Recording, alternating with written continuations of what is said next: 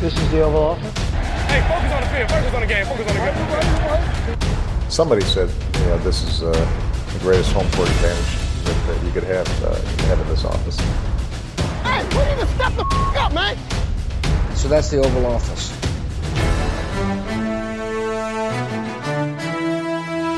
Velkommen indenfor i det ovale kontor. Vi er op til her onsdag den 6. januar. Klokken den er 6 om aftenen. Jeg hedder Mathias Sørensen, og med mig over en Skype-forbindelse har jeg Thijs Joranger. Hej Thijs. God aften, Mathias. Og Anders Kaltoft er også med os. Hej Anders. God aften, Mathias. Og sidst men ikke mindst, Mark Skafte Våbengård der er tilbage. Hej Mark. Hej Mathias, god aften. Og godt at have dig med igen. Vi Jamen, dejligt at være. har sat os ned her, fordi vi skal snakke om den første runde i slutspillet. Ja, øh, grundspillet er forbi, og øh, nu begynder det for alvor at spidse til. Og øh, ja, der er jo helt seks kampe at tale om her i den her wildcard weekend. Og øh, vi har simpelthen gjort det, at vi har taget dem alle sammen med i Hvorfor vinder de? Så vi kommer til at høre om alle hold fra alle sider, han har sagt, øh, og med, med alle alskens argumenter for, hvorfor de vinder i den her weekend. Så øh, det øh, skal vi gøre lidt senere, men vi skal også lige øh, vende de nyheder, der kom, især mandag, som jo var Black Monday i NFL den første mandag efter grundspillets øh, slutning, hvor en masse trænere jo som regel blev fyret, og det skete også i år, så den vender vi også. Og så skal jeg også lige sige farvel til de hold, der mistede slutspillet i sidste runde. Men inden vi går i gang, så skal jeg lige fortælle, at vi jo er bragt i samarbejde med dem, der støtter os på tier.dk. Kunne du også tænke dig at blive en del af den klub, så gå ind på 10er.dk, e så kan du støtte os med et valgfrit beløb for hvert program, vi laver. Det vil vi sætte rigtig stor pris på, og tusind tak til jer, der allerede gør det. Og til jer, der allerede gør det, tjek lige, at I stadigvæk gør det, fordi der kan jo være noget med nogle øh, betalingskort og sådan noget, der udløber en gang imellem, og øh, så bliver man altså smidt af. Så gå lige ind og tjek, at, øh, at I stadig er på, sådan så øh, I kan støtte os, og sådan så vi kan blive ved med at optage. Øh, vi har en lige nyhedsrunde, som sagt, Black Monday skete. Øhm, der var nogle forventede ting, og måske nogle knap så forventede ting, der skete. Lad os tage, lad os tage det med trænerne først, fordi Adam Gates han blev, fik jo sparket. Det tror jeg faktisk allerede, han gjorde søndag aften, amerikansk tid. Det var jo sådan set både forventet og fortjent. Øh, Doc Marone, han er også færdig i Jacksonville. Det var også ret forventet, og også ret fortjent. Og så var der Anthony Lynn i Los Angeles Chargers, som øh, han blev jo også fyret. Og øh, ja, der var lidt snak om det inden, men spørgsmålet er så, om det var fortjent, øh, Thijs. Hvad synes du? Om jeg synes, det er det rigtige. Ja. Det, det er hårdt. Øh, fordi Lynn har haft fire sæsoner hos, hos Chargers, og han bragte dem til slutspillet i en af dem, og der det gjorde de det også udmærket, slog, øh, som jeg husker det, et Baltimore Ravens hold i den første runde af slutspillet, inden de røg ud øh, mod Patriots. Mm-hmm. Men, ja. Mm-hmm. Mm-hmm. Øh, men øh, jeg synes, det er det rigtige at gøre. Simpelthen fordi, at Anthony Lynn som træner ikke er dygtig nok i hans game management og i hans øh, filosofi, den måde han, han gerne vil spille fodbold på. Øh, der er nogle argumenter for, at man godt kunne have beholdt ham. Øh, blandt andet, at øh, de har en del talent på holdet, og Justin Herbert virker til at være faldet fint til, og har været en god quarterback langt hen ad vejen øh, for dem, og meget, meget lovende som rookie. Og det kunne man jo godt øh, argumentere for, at man gerne vil bygge videre på, og se, at man ikke kunne lægge mere på næste år. Øh, jeg tror bare, at det er bedre for Chargers at lade være med at spille Herberts år, for det kan godt være, at det kunne blive bedre næste år, men hvor godt kunne det blive? Øh, og jeg tror, med mindre Anthony Lynn, han fik en Pete Carrollsk-agtig revolution, øh, eller åbenbaring, skulle jeg til at sige, øh, til sin filosofi, og man kan så diskutere, hvor meget Carroll øh, har ændret sig på den lange bane, øh, men, men han var simpelthen for dårlig in-game. Mm. Der var så mange dårlige beslutninger, så det kan godt være, at de vinder de sidste fire, men han har også kostet fire mindst. Den anden i tidligere i sæsonen, hvor det galt allermest øh, på hovedløs, øh, hovedløs clock management og øh, dårlige beslutninger og mærkelige play calls og filosofier. Altså sådan, virkelig, virkelig, virkelig dårligt til at håndtere in-game situationer. Øh, og der, der har vi jo sagt det før, at nogle gange så virker det som om han coachede 1990. Øh, så jeg synes, at det er det rigtige at prøve at sige, omvendt at sige, nu har vi Justin Herbert. Han ligner en kommende rigtig dygtig NFL quarterback. Lad os få det maksimale ud af ham ved at gå ud og finde en offensiv head coach, der kan maksimere et kasteangreb. Øh, og det synes jeg er det rigtige at, at gå ud og prøve på. Og så må vi jo se, hvad de kan finde af, af forskellige kandidater. Der er jo en del offensive koordinatorer, som er, er varme i den her snak. Brian Dabble hos Bills, og Arthur Smith hos Titans, Joe Brady hos Panthers, og et par andre. Øh, og jeg synes, de skal kigge den vej. Øhm, så jeg synes, det er det rigtige. Selvom ja. det er hårdt, så synes jeg, det er det rigtige. Ja. Uh, Anders Theis nævner, at det er et meget talentfuldt hold, og der er en ung spændende quarterback. Der er en 5-6 uh, headcoach-åbninger nu her efter den her sæson. Det er vel klart det mest attraktive job, det her Chargers job, er det ikke det?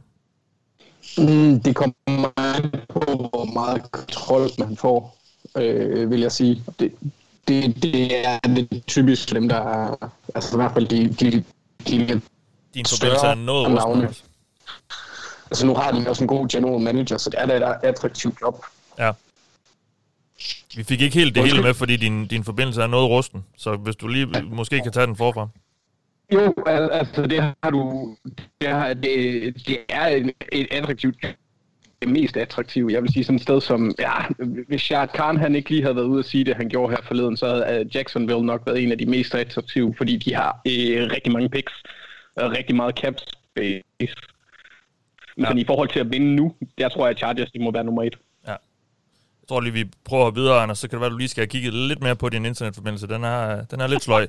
øh, og så kan, vi, så kan vi andre lige gå videre til det næste punkt, fordi i Denver er der også kommet lidt ændringer. Godt nok ikke på hverken uh, trænerfronten eller uh, indtil nu, i hvert fald på ledelsesgangen, men det, sker, det skal der i hvert fald, fordi John Elway, han, han træder tilbage i, fra den her GM-rolle, han jo egentlig har haft. Uh, så fremover kommer han ikke længere til at have, have, have ansvar for, for holdsammensætning. Det, han fyrer ikke. Han, han fyrer sådan set sig selv, og, og giver sig også på samme tid sig selv lidt en forfremmelse, Mark. Øh, det er vel meget godt eller hvad for Denver, fordi han har jo været meget kritiseret Elway, i hvert fald af, ja, af rigtig mange af dem, der følger NFL, fordi han jo har haft problemer med at finde en quarterback, der ikke hed Peyton Manning osv. Ja, ja, det har der selv været med til at kritisere ham. Jeg synes, det, Ja. synes, det er noget mærkeligt noget, øh, hvis jeg skal være helt ærlig. Øh, det, det er jo meget symbolsk, kan man sige, at han træder tilbage på den måde, men, men så vidt jeg har forstået, så skal den næste GM jo rapportere til ham. Ja. Så øh, han kan jo sidde og trække i trådene, måske endda mere, end han gjorde før. Mm. Han kommer bare ikke til at stå til ansvar på samme måde. Det er jo meget smart, kan man sige. Men, men jeg, jeg må indrømme, jeg ved godt, at han er at han kunne øh, blive borgmester eller øh, senat, hvad ved jeg, et eller andet. Han kunne blive alt muligt i Danmark sikkert. Men, men jeg forstår ikke, hvordan han kan have så meget magt. Det virker som om, han er en fisk, der svømmer i vandet og kan gøre lige præcis, hvad han vil derop. Det, det, det, det synes jeg er, er lidt vildt. Altså, det, men altså, det, det er John Elways ja. hold. Altså. Ja, nu må vi så se, om han har så endelig har ramt måske på Drew Lock. Det, det, det går lidt op og ned med, med Drew Lock, men det lyder i hvert fald som om, at de måske vil give ham et år mere til lige at se, og jeg ved i hvert fald også, vores øh, kollega på, Gul- på Gulklud, øh, Magnus Jølnes, er, som, er, som er Broncos-fan, han, han også stadig ikke har, har givet helt op på, øh, på Lock endnu, så det kan jo være, at, øh, at han måske har ramt der, men om, om ikke andet er der i hvert fald en anden en, der fremover i hvert fald får det direkte ansvar for truppen. Så lad os Altså, en værk kan jo ramme ja. en høbal, hvis de har et maskingevær, ikke? Og med alle de øh, forsøg, han har haft Elway efterhånden, så må han jo ramme et eller andet på et tidspunkt. Og, og vi ved stadig i tvivl om Lok er noget. Jeg synes, jeg, jeg Ja. synes ikke, at, at Elway har gjort det godt. Og heller ikke, hvis han har ramt på Lok. Lad os lige gå videre til Texans, fordi der er kommet en ændring på ledelsesgangene, fordi Nick Casario, han er blevet ansat som general manager. Han var tidligere director of player personnel i New England Patriots. Og Thijs, øh, man skulle tro, de måske var blevet lidt skræmt af det der pseudo øh, New England show, de havde kørt i mange år med Bill O'Brien og, og en masse andre øh, folk med, med Patriots øh, rødder. Øh, men nu ansætter de så en ny en. Øh, hvad, hvad synes vi om det? Ja, det er spændende. Ja, Fordi netop som du siger, så var man begyndt lidt at tænke, det, det er endnu et Patriots show med nogle af de typer, de har haft, netop Bill O'Brien og Jack Easterby, som så stadig er der. Og det Ja. kan man så sige, de har aldrig rigtig forladt den identitet, som at være øh, et hold, der måske prøver lidt at efterligne Patriots. Man kan sige, Mike, Mike Rabel har jo også været der. Øh, inden han røg til Titans. Så det er jo det er et så st- hold, der på en eller anden måde, selvom at de nu har fyret Bill O'Brien, og har valgt at ansætte en general manager igen, så kører de lidt ned ad samme spor, i hvert fald på ledelsesgangene, filosofisk. Øh, det, jeg ved ikke, om det er klogt, eller hvad det er. Øh, de har jo prøvet før at få fat i Nick Casario, og han har haft en, uden tvivl haft en stor rolle hos Patriots, hvor han har gjort rigtig mange forskellige ting. han har aldrig haft direkte ansvar for truppen. Nej, men, øh, men han har øh, været med i både spillerevalueringer, har været hæftigt involveret både i, som jeg forstår det, både på college-siden, men også i sådan pro-personnel scouting, øh, involveret også øh, omkring øh, hele deres capturation og, og sådan nogle ting, så han har været, han har haft rigtig mange hatte hos Patriots, som jeg forstår det. Øh, så så det, det, det er jo et positivt tegn i en forstand, fordi general manager er meget mere end bare at, at kunne drafte fornuftigt. Øh, så, så, men, men ja, om han er god, det ved jeg ikke. Det finder vi jo ud af. At han kommer ind og overtager en super svær situation, fordi Patriots har, undskyld, Texans har et begrænset cap space. Ja, ja. Øh, dårlige kontrakter på holdet rundt omkring. Han skal finde ud af, hvad han vil gøre med. Øh, ingen draftvalg i de første to runder i år, øh, blandt andet. Øh, så, så, altså, og så har han jo selvfølgelig et, et super øh, mangelfuldt roster, hvor at det eneste, han reelt set har nærmest, det er, øh, det er Sean Watson. Er jo måske er lidt utilfreds. Ja, Han, han skrev på Twitter i går aftes, som amerikansk sted, uh, some things never change, eller et eller andet i den stil. Ja, Øh, det, det tror jeg ikke har noget med øh, Casario at gøre. Nå, okay. Det tror jeg har noget at gøre med, hvad hedder han, ham, hvad hedder han, Jacob Blake, der blev skudt, øh, og for politimanden gik fri Okay. eller noget i den stil. Jamen, det var i hvert fald Ja, timing var lidt spøjs, synes jeg nok. Ja, men, men øhm, det, øh, så, så jeg tror ikke, det har noget med det at gøre for, okay. for Jason Watson side. Men uanset hvad, er det jo et, et super mangelfuldt roster. Vi så i weekenden, hvor øh, specielt det her forsvar, hvor piv elendigt det er langt hen ad vejen. Øh, så øh, det er en spændende situation, han kommer ind i. Det er ikke nogen let situation at overtage som general manager, men øh, hvis han nu kan finde en god head coach til Jordan Watson, så, øh, så kan det jo øh, skjule mange mangler på holdet. Og det må jo være hans, øh, hans første store opgave, det er, at de finder en, en god mand til Watson. Vi skal lige øh, tage et kig på spil uge 17 i NFL. Den sidste runde i grundspillet, inden vi uh, går videre, fordi uh, der skete også en hel masse, Mark. Hvad, hvad, blev du, uh, hvad blev du mest mærke i? Jamen, jeg kunne ikke lade være med lige at lave en lille opsamling, når nu grundspillet er slut, og så synes jeg, det kulminerede lidt i, her i sidste uge, i, i, i uge 17. Jeg vil, jeg vil kalde øh, det udvidede slutspil for en uh, succes. Ja. Uh, I hvert fald i forhold til grundspillet og spændingen der, fordi jeg synes, det har ligget og ulmet længe nu, og givet en ret god spænding til grundspillet. Og det er bare federe, når der er noget at spille om.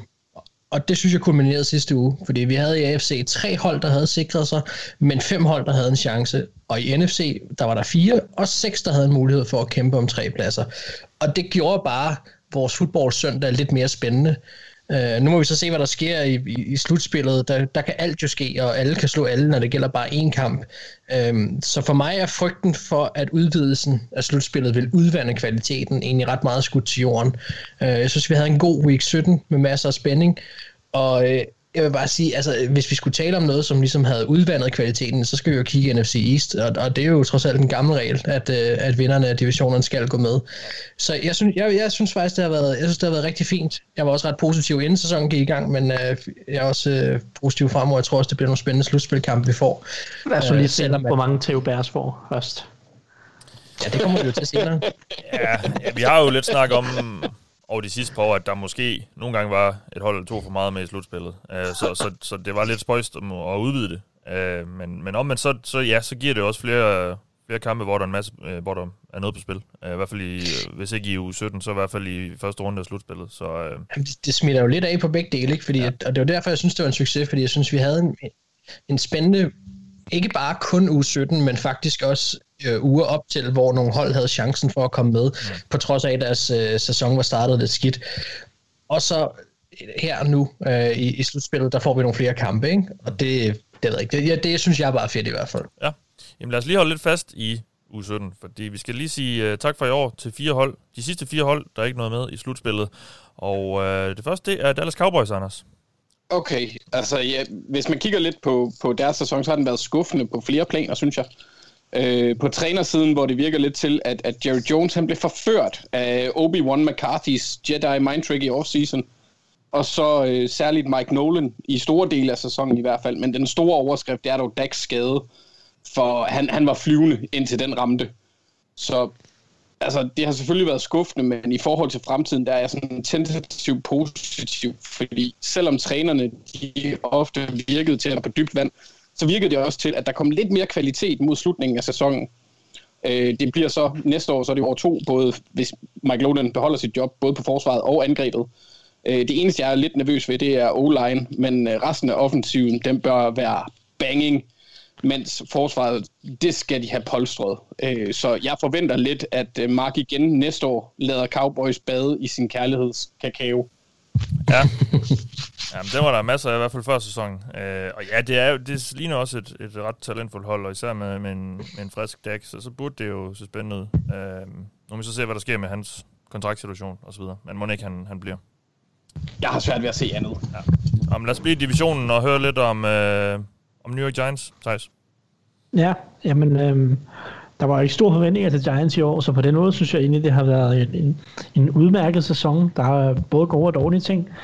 Øh, Joe Judge kom jo ind som et meget ubeskrevet blad, og han har da i hvert fald fået vist, øh, at, at holdet har da kæmpet øh, hårdt i løbet af sæsonen, og øh, der har været en positiv udvikling sådan, i løbet af, af, af grundspillet.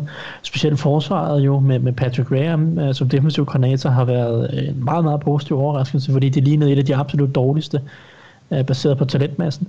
Men, men det har været rigtig fornuftigt hen ad vejen, og, og der er mange gode ting, man kan arbejde videre på næste år, når det, når det kommer til, til forsvaret. Det helt store spørgsmål for Judge og Giants, det bliver jo angrebet, og det bliver Daniel Jones. Øh, fordi hvordan forløser man ham? De, fordi det har ikke været nogen det har ikke været nogen god sæson for Daniel Jones. Øh, han har vist nogle gode kampe, eller har haft nogle gode kampe i her, men der har også været rigtig langt mellem snaps, og der har været mange af de samme problemer, som der også var i hans rookie-sæson, med, med de mange turnovers. Øh, og, og nu endte Giants jo med at vinde nogle kampe, trods alt at komme ud af øh, top 5 af, af draft og rækkefølgen, og som jeg husker det, så drafter de 10, 11, 12 stykker eller noget stil. Um, og det betyder jo nok også, at de, de, der er ikke nogen grund til at tage en quarterback for dem, fordi det, de kan få dernede, er jo ikke nødvendigvis bedre end Daniel Jones. Så altså, de, for mig at se, der, der hænger de på Daniel Jones et år mere, og så skal de prøve at se, om de kan forløse ham. Øh, formentlig kommer hele offseason, den burde i hvert fald hele offseason handle om at forbedre hans forhold med offensiv linje, og måske især nogle, nogle kastevåben. Øh, så, så, øh, så må vi jo se, om, om Judge og hvad hedder han, øh, Pat, ikke Patrick, skulle til at sige Jason Garrett, er, er, er mændene, der kan løfte Daniel Jones og få elimineret nogle af de fejl, der er i hans spil. Mm. Fordi resten af det ser egentlig okay ud. Altså, der er jo ikke nogen garanti for, at, at, at Judge øh, er manden på den lange bane, men jeg synes, det var en hederlig første sæson øh, med, med flere positive takter. Nu er spørgsmålet, om Daniel Jones er noget værd. Og det er jo også, man skal, hvis man skal kigge frem næste år, så står Dave Gettlemans job det står og falder lidt med, om Daniel Jones bliver til noget eller ej, synes jeg. Øh, hvis Daniel Jones flopper næste år, og Giants skal videre efter 2021, så tror jeg også, Gettleman han ryger. Ikke nødvendigvis Church, men så ryger Gettleman, tror jeg. Øh, hvis Daniel Jones viser udvikling, så, øh, så får Gettleman jo nok lov til at sidde. Ja.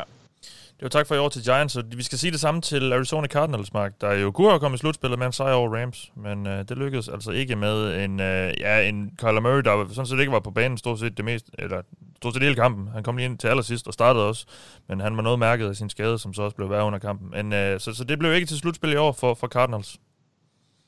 Nej, det var en sæson, der i den grad var op og ned, synes jeg. Øh, Kyler han startede som fyr og flamme, og deres angreb så rigtig skarpe ud, og derimod så, så deres forsvar ikke voldsomt godt ud, men som sæsonen skred frem, så blev der lidt vendt op og ned på den kontrast, og så endte det sådan lidt med ikke rigtig at blive til noget. Altså kort sagt, så spiller de sig selv i position til at være med, der hvor det er sjovt, men så trak de ligesom selv stikket igen. Og det er rent nok, som du selv påpeger, jamen altså, Kyler Murrays skade, det det er, jo, det er jo noget, som det påvirkede ham i, i flere kampe øh, i den anden halvdel af sæsonen. Øh, og samtidig så synes jeg også, der var noget... Det var ligesom om, at, at deres angreb på en eller anden måde var, var blevet læst. Øh, løbespillet fungerede slet ikke på niveau med sidste år, og man kunne også se, at de havde svært ved at opretholde øh, Hopkins produktion i sidste halvdel af sæsonen. Og det har selvfølgelig også noget med Kyler at gøre. Øhm, der var også en lidt skuffelse, synes jeg. Altså, Isaiah, hvad hedder det, Isaiah Simmons var jo enormt hyped op til sæsonen, og han manglede spilletid, spilletid en stor del af sæsonen, og det synes jeg, der var skuffende.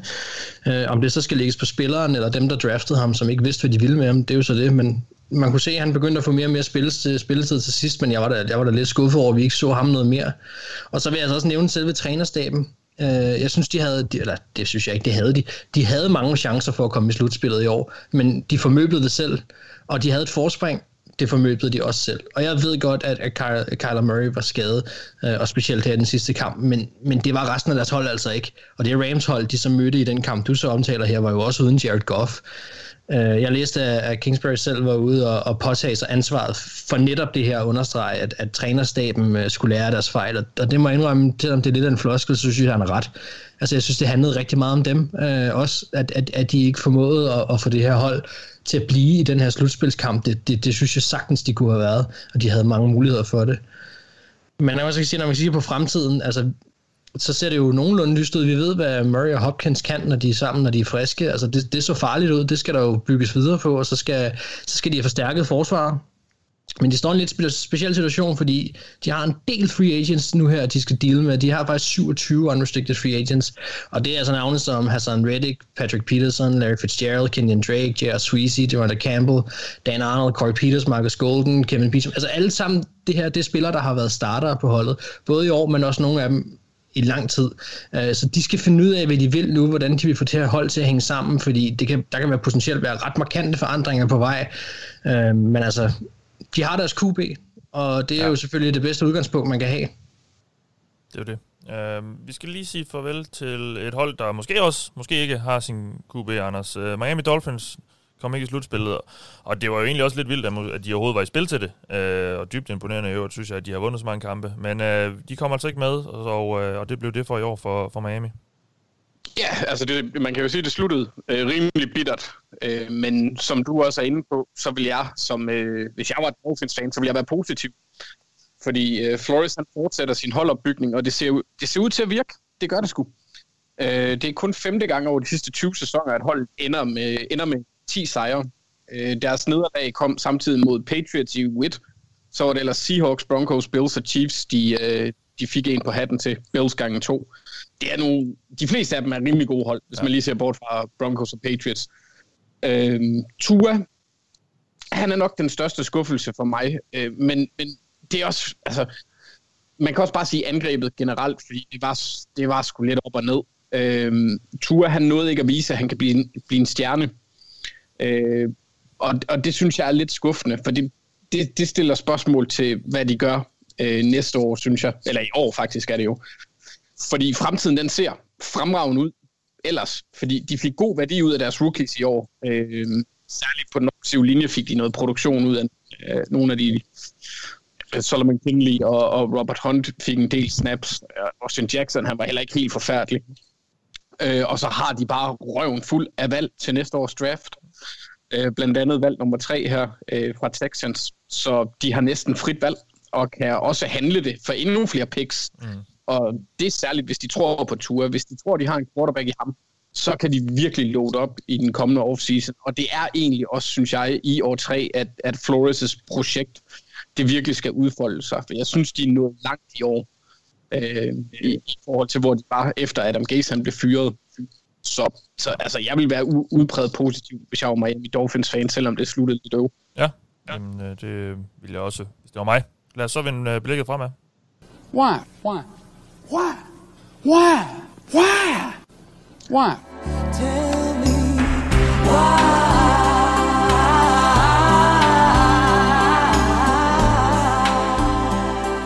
Jeg havde jo advaret, Anders. Ja. Yeah. Men, øh, Men den er også hyggelig. Den er hyggelig, og den er dejlig, og hun er også øh, skøn at, at lytte til, Anja Lennox. Og øh, ja, som jeg allerede har øh, sagt, så går vi altså direkte til, hvorfor vinder de? Øh, og vi har simpelthen taget alle kampene med. Fordi det er jo øh, det er nogle store kampe alle sammen, så vi synes, det var værd at, at vende dem alle sammen fra, fra alle sider. Øh, vi skal starte med at snakke om Coles Bills. Og Thijs, øh, hvorfor vinder Coles den kamp? Jo, nu skal du bare høre. øh, Bills har været forfærdeligt hold den sidste Noget af en opgave, ja. Ej, øh, jeg vil sige, det der, øh, altså mod Bills, lad os starte det sådan helt sådan grundlæggende, mod Bills, der skal du kunne score point. Fordi der er ikke et forsvar i den her liga, som kan holde Bills til, lad os sige, under 20 point.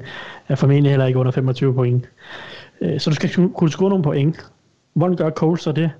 Jo, nu skal du høre. Deres løbeangreb har været super, super godt på det seneste. Øh, den offensive linje virker til at, at spille bedre, end den gjorde i starten af sæsonen. Øh, den er også forholdsvis skadesfri. Jeg ved godt, de mangler Castanzo, men, men ellers så de fire andre øh, virker rimelig, rimelig klar. Og så Jonathan Taylor har været et monster den sidste måned eller halvanden han tænker så meget hurtigere, end han gjorde tidligere i sæsonen, hvor man kunne se, at han, han, han læste ikke spillet godt nok. Øh, nu, er han et, et, nu er han det monster, han også var i college. Stor, stærk, hurtig. Og så kombinerer man ham også lige med, med den lille væver, øh, Naheem Hines, som også kan nogle spændende ting. Så de har rigtig godt løbeangreb lige nu. Og Bills har været et middelmåde til under middel løbeforsvar. Øh, Bills lige nu, eller i på, efter sæsonen her, øh, er 17'er i DVOA i, i løbeforsvar, 22 Hvad i det handler om? Effektivitet. Lige præcis. øh, og i 22 i EPA play, så vi har, altså, vi har at gøre med et løbeforsvar, der er til at tale med, og vi har set dem i nogle kampe i år have nogle problemer med at stoppe løbet. Øhm, så jeg synes, der er muligheder for Colts at gå til den her kamp, og, og, og netop fordi Rivers er stadig i tvivl om, hvor meget kan bære et helt angreb.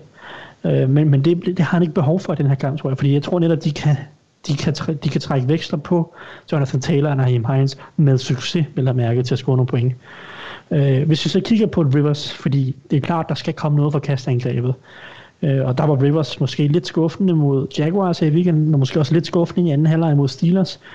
Øh, men, men hvis vi kigger på, hvad det er, Colts godt kan lide at gøre, og hvad Rivers godt kan lide, så er Rivers jo, altså han er nærmest udelukkende en anticipation quarterback på nuværende tidspunkt. Set altså i den forstand, at Rivers lever på, at han ved, hvor hans ruter ender henne, og så kan han læse forsvaret så hurtigt, at han simpelthen siger, okay, om et halvt sekund, der vil der være et, et, et, et spot hernede, 15 yards ned ad banen, hvor at der er hul, og jeg ved, at min receiver bør være der. Så kaster jeg den bare der. Jeg behøver ikke engang at kigge, om min receiver er der nærmest. Øh, fordi øh, det, det tager alligevel bolden et, halv, et, et halvt minut om at nå derned. Øh, så han er, så han er meget, meget dygtig til at anticipere, øh, Øh, hvor ruterne er, og hvor hullerne er i forsvaret. Øh, og det er i høj grad, en, det er i høj grad brugbart mod zoneforsvar. Mod man coverages, der bliver det lidt mere tricky, fordi hvis du har et godt man coverage forsvar, så bliver receiverne bare aldrig fri, så vil de der vinduer måske aldrig være der. Øh, og jeg synes, Bills er primært zoneforsvar, eller de er primært zoneforsvar, de, de gør mange forskellige ting, Bills. Øh, men, men alle de her forskellige ting bør Rivers være i stand til langt hen ad vejen at identificere, diagnostisere og så læse, hvor kommer der til at være huller. Øh, fordi det, det, det mod Bills, som jeg synes ofte spiller et, et 20 high defense med, med to dybe safeties på i hvert fald en del spil, øh, der vil der ofte være nogle huller og angreb mellem zonerne. Og der måske, skal, måske især tight ends kan blive brugbare der, fordi Bills er det hold i ligaen, der tillader næstflest yards mod tight ends i, i den her sæson. Og vi ved, at Colts er rigtig glade for at bruge tight ends. Vi ved, at Rivers er rigtig glade for at kaste til tight ends. De har Doyle, de har Mo Ali, Mo Ali Cox, de har Trey Burton. Så der er nogle, nogle, nogle våben der at bruge mod, mod, det her, øh, mod det her Bills forsvar. Så jeg synes, at Colts har forudsætningerne til, at hvis Rivers rammer dagen, og løbeangrebet fortsætter, så kan de score mange point, og så kan det blive en tæt kamp. Ja. Defensivt, hvordan stopper man det her Bills hold? Det er jeg ikke sikker på, at de kan. Øh, der må de håbe på nogle individuelle præstationer, nogle store spil, øh, nogle gode præstationer fra nogle af deres playmakers, Darius Leonard, Kenny Moore, DeForest Buckner, og jeg vil gerne have lov til at pege på Buckner som nøglefiguren på det forsvar. Mm-hmm. fordi hvis man skal pege på en svaghed hos Josh Allen, trods alt stadigvæk, så er det, at han nogle gange godt kan blive lukket lidt ind i at stå lidt for længe med bolden, eller blive lukket lidt ind i at gå ind i nogle pres og tage nogle sacksister her. Øh, og, og der bliver Bogner bare nøglen, tror jeg. Han har også et fornuftigt matchup mod øh, Ike Bøtger. Vores ven. Vores, vores gode ven ja. af programmet. Øh, som jo, nu snakkede jeg, jeg, jeg nævnte ham jo i Steelers matchuppet mod Cameron Hayward. Et par gange, Og der ja. havde han store problemer. Ikke lige et par gange, ja. eller hvad, hvad det nu end var, Philip, han... Øh, var det Philip, 12 gange. Ja. Var det Philip Sambo, det der talte dem op til mig? Yes. Øhm, Øh, men, men altså, der er noget med her, at, at Bogner kan noget af det samme som Hayward. Den her lange defensive tackle med godt tyngdepunkt og noget styrke og noget power.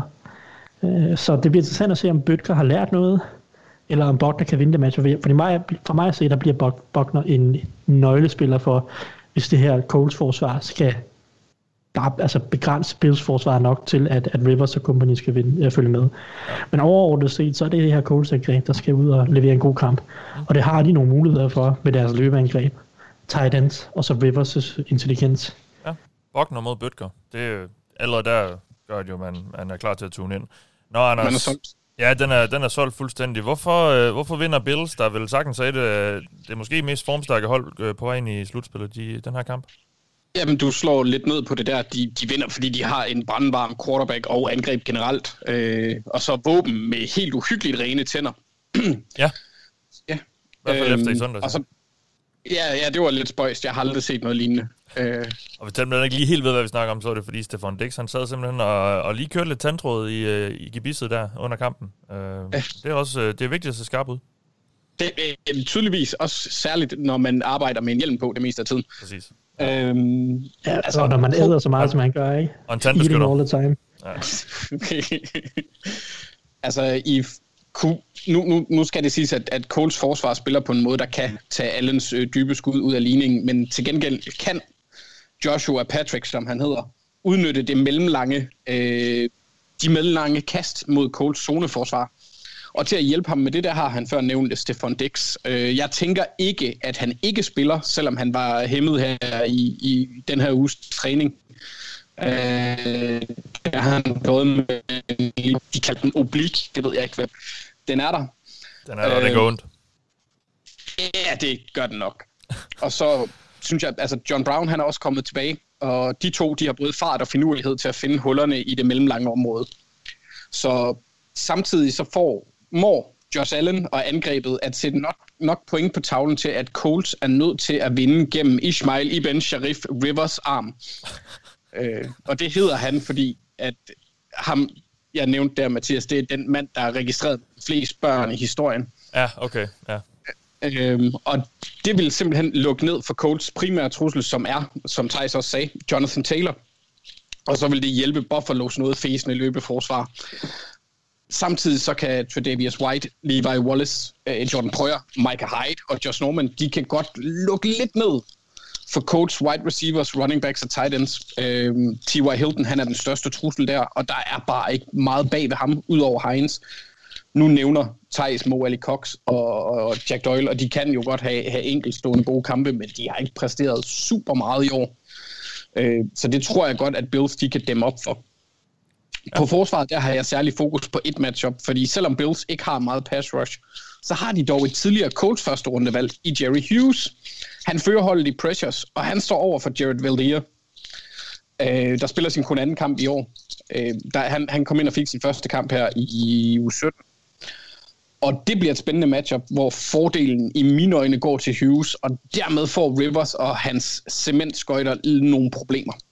Så Bills de vinder, fordi de er i stand til at sætte point på tavlen i tempo, hæmmer Taylor dermed, og presser Phillips, og, her, og så ender de simpelthen bare med at løbe lige en tand hurtigere end Colts. Ja, jamen tak for det. Vi hopper over i den anden konference, NFC, og skal have et uh, rendyrket NFC West opgør. Det er Rams, der møder Seahawks. Og Mark, hvorfor vinder Seahawks og manden, der måske, måske ikke længere bør kaldes... Mr.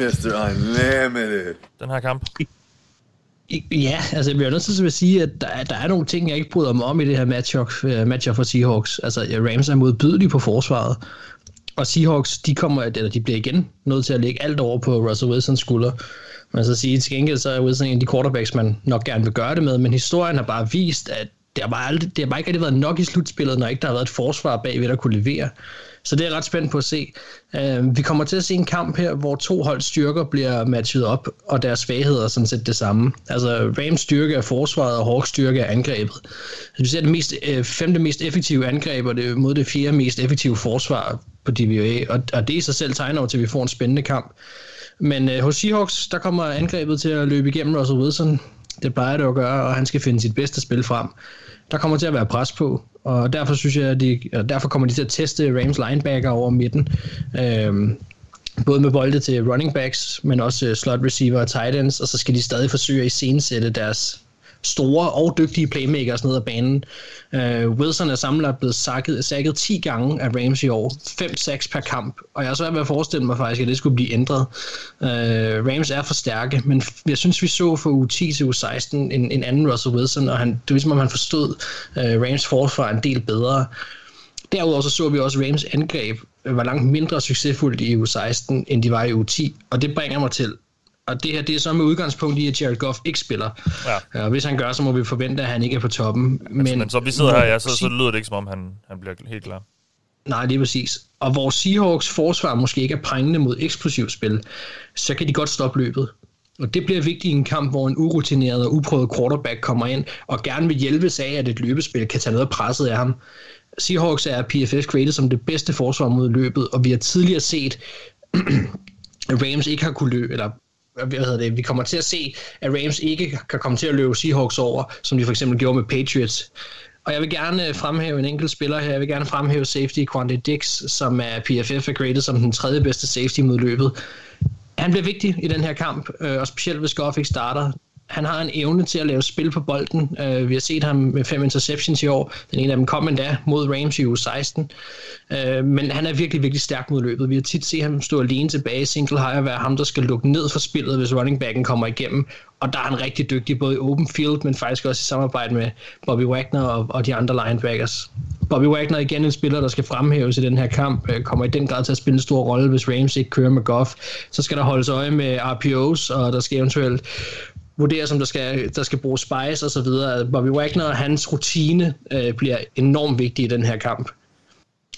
Og så må man bare sige, at Seahawks de vinder den her kamp, fordi de har den bedste og mest rutinerede quarterback, om enten det bliver Jared Goff, eller om det bliver Wolford.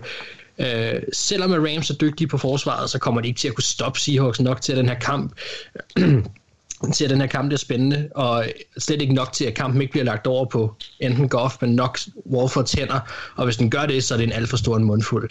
Øh, det her bliver muligvis det bedste forsvar, måske lige med undtagelse af Saints, som Russell Wilson overhovedet kan møde det her slutspil. Så det er klart, at de kommer ikke til at tage let på det, og det, jeg siger ikke, det nødvendigvis bliver et så smooth Seahawks-angreb, som man måske kunne forvente. Øh, men, øh, men det bliver nok til, de tager den, og det er specielt inkompetencen på den anden side, der, der kommer til at hjælpe dem. Ja. Og så må jeg bare forudsige, at Dix og Wagner og Wilson, det er, det er de tre spillere, som jeg tror kommer til at have en rigtig stor kamp, og indflydelse på, hvordan den her kamp kommer til at gå.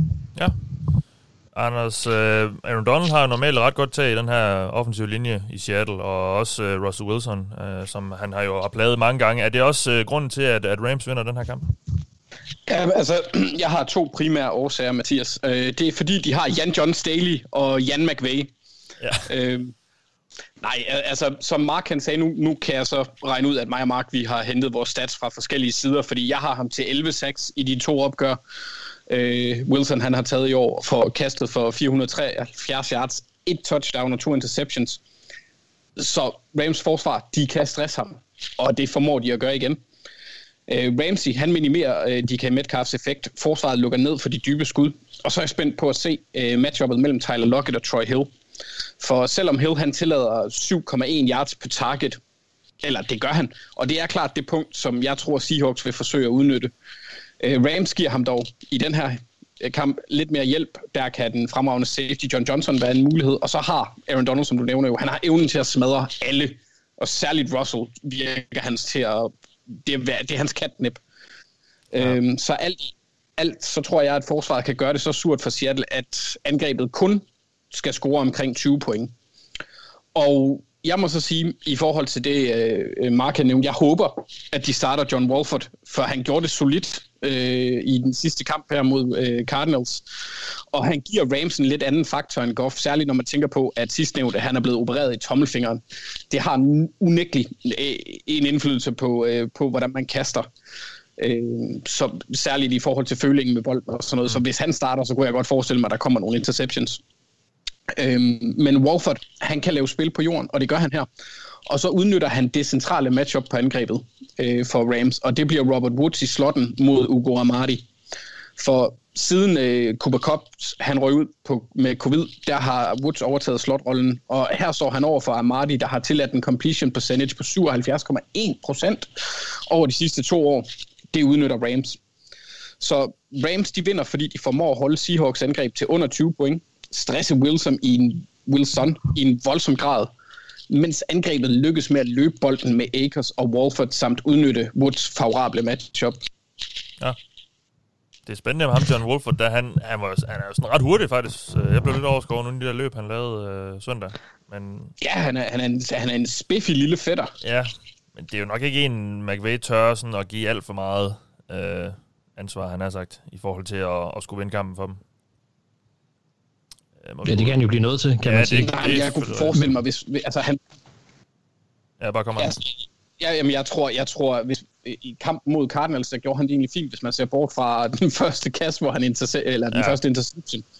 Der var han jo ganske solid, og han giver dem noget, øh, han giver dem noget løbespil, som de ikke havde før. Han førte dem også øh, mm. på jorden. Jeg tror også, han havde flere yards på jorden, end Cardinals havde til sammen og det var så dog kun så meget, men det giver bare øh, en, en anden faktor, et andet element til Rams, så de måske ikke er så noget, altså afhængige af, at han skal tage beslutninger. Øh, men, men altså, for mig at se, der virker det også til, at han gik okay fint igennem sine progressions og ramte Ja. ja. andet og tredje valget på ruterne en gang imellem. Så, så altså, jeg, jeg tror mere på Rams i den her situation, hvis de starter Walford, end jeg vil gøre, hvis de starter Goff på grund af hans tommelfinger.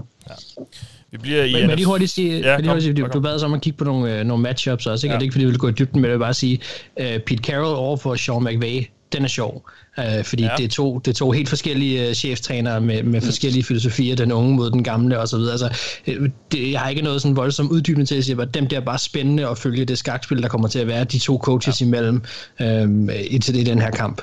Brandon Staley og Brian Schottenheimer. Ja, tak. Også, øh, lidt et, et mismatch måske. Vi bliver i NFC og skal snakke om det, der øh, vel nok på papiret med, er en af de mest øh, ensidige kampe, i hvert fald øh, i, i den her runde af slutspillet. Det er øh, Buccaneers mod Washington. Og Thijs, jeg har givet dig Washington football team, som jo øh, blev det hold, der tog øh, den tvivlsomme ære at vinde NFC East, og dermed komme i slutspillet. Øh, hvorfor vinder I den her kamp? Jo tak. Jamen, jeg er glad for, at jeg, har givet mig Washington, fordi det, det, det, det gjorde, at jeg skulle tænke lidt. Ja, Øhm, det gør du ikke normalt, det, eller det, hvad? Nej, altså, det gør jeg ikke normalt. Ej, okay. det, jeg prøver virkelig at lade være. Ja. Det er for alles bedste. Øhm, nej, øh, jeg er jo... Altså, hvordan slår man Tom Brady? Det har man snakket om mange gange i hans tid i, øh, i, i New England. Ja, men, men altså, den samme opskrift, eller opskriften har jo været den samme, både førhen, og det er den vel også nu. Øh, Du skal have noget pass rush, der kan komme efter ham. Så skal du have en eller anden form for coverage, der kan håndtere hans receiver. Det er så sværere hos Buccaneers, end det har været længe hos Patriots, fordi de har en lidt bedre receiver, end Patriots har haft i meget, meget lang tid. Men øh, det med den defensive linje, det har, det har Washington jo i høj grad. De har jo om nogen en defensiv linje, der kan komme ind og få skabt noget pres på den her trods alt øh, efterhånden lidt gamle og, og, og knap så mobile Brady. Øh, vi har set, hvordan Chase Young har, lavet, har, har virkelig lavet nogle spil her de sidste par måneder af sæsonen. Montez Sweat er en dygtig spiller. Jonathan Allen er måske den mest undervurderede mand, som hans matchup mod Ali Marpet er simpelthen øh, high, high caliber øh, matchup. Øh, så, så, der, der er rigtig, rigtig mange gode defensive linjespillere på det her øh, Washington-hold, og, og de har jo de har jo redskaberne til at komme ind og lægge pres på Brady. Forstyrre ham og angrebet som helhed jo, fordi øh, de vil jo gerne kaste dybt Buccaneers. De vil gerne angribe ned ad banen med Evans og Godwin og Antonio Brown og Scotty Miller, og Rob Gronkowski osv. Øh, og og det, det, det er jeg ikke sikker på, at de får tid til lige så meget, som de gerne vil mod det her Washington-forsvar. Altså, vi, vi snakker om Washington-forsvar, som, som har den, den næstbedste DVOA af alle forsvar i ligaen. Øh, tredje bedste EPA per play. Øh, 6. højeste pressure percentage. Øh, Så en masse af de stats, vi godt kan lide. en masse af de stats, du godt kan lide, det er et rigtig effektivt forsvar. De er rigtig dygtige til at stoppe kastet. De er dygtige til at skabe pres på quarterbacken. Altså, det er jo et rigtig godt forsvar. Tillader også fjerde færrest yards til tight ends i ligaen. Øh, i- apropos Gronkowski, og nu vi i slutspillet, og, og Brady's gode gamle ven, og Old Faithful og så videre. Øh, det, er, det er det bedste forsvar i anden halvleg øh, siden Ravens forsvar i 2006, pointmæssigt. Øh, og det er altid farligt, det der med point og sådan noget. Men altså, de tillader 5,7 point i snit i anden halvleg i den sæson, Washington. Altså, som sagt, det bedste siden Ravens i 2006. Altså, det, det er et rigtig godt forsvar, og hvis man kigger på det, den her anden halvlegstat, så har Buccaneers i nogle kampe været slow starters. Uh, vi har set dem mod Giants være bagud længe, måtte komme tilbage der. Vi så dem mod Chiefs, hvordan de blev fuldstændig savet over i første halvleg. Kom så lidt tilbage, indtil til stadig med at tabe den. Begge kampene mod Falcons har jo været, da det første kamp var de bagud stort. Øh, den anden, kamp, den anden kamp var tæt helt ind til fire kvarter stort set her i, her i weekenden senest. Så det er et Buccaneers hold, som, som, godt, som har, i nogle kampe har været lidt langsomme mod starterne. Og hvis du møder et Washington hold, som det kommer langsomt ud mod et Washington hold, som er rigtig, rigtig erfaren trænerstab, og dermed dygtig til at justere. Jeg ser det ikke som en tilfældighed, at deres forsvar er godt i anden halvleg. Jeg ser det som, at de er rigtig, rigtig dygtige til at se, hvad er det, et, for, et angreb kommer ud og gør. Og så har de super erfarne trænere i, i Ron Rivera og Jack Del Rio til at gå ud og sige, okay, hvad for nogle justeringer skal vi lave? Så altså, Washington skal vinde den her kamp på forsvaret. Det, det skal de altid, fordi de har ikke noget angreb. Det er det dårligste slutspilsangreb i Football Outsiders historie. Øh, men de har et godt forsvar, og det kan de også vinde på den her uge, hvis de kan komme ud og stresse Brady, ramme Brady, frustrere Brady. Og så på angrebet, der skal de jo ud og, og, og gøre, som de plejer, en masse korte kast og dump fordi det er det, Alex Smith kan finde ud af. Man kan sige, Buccaneers har en tendens til at tillade en del ting under neden, øh, haft i, i nogle kampe, virkelig spillet underligt passivt og tilladt en masse dump-offs, blandt andet da de tabte til Bears og Nick Foles.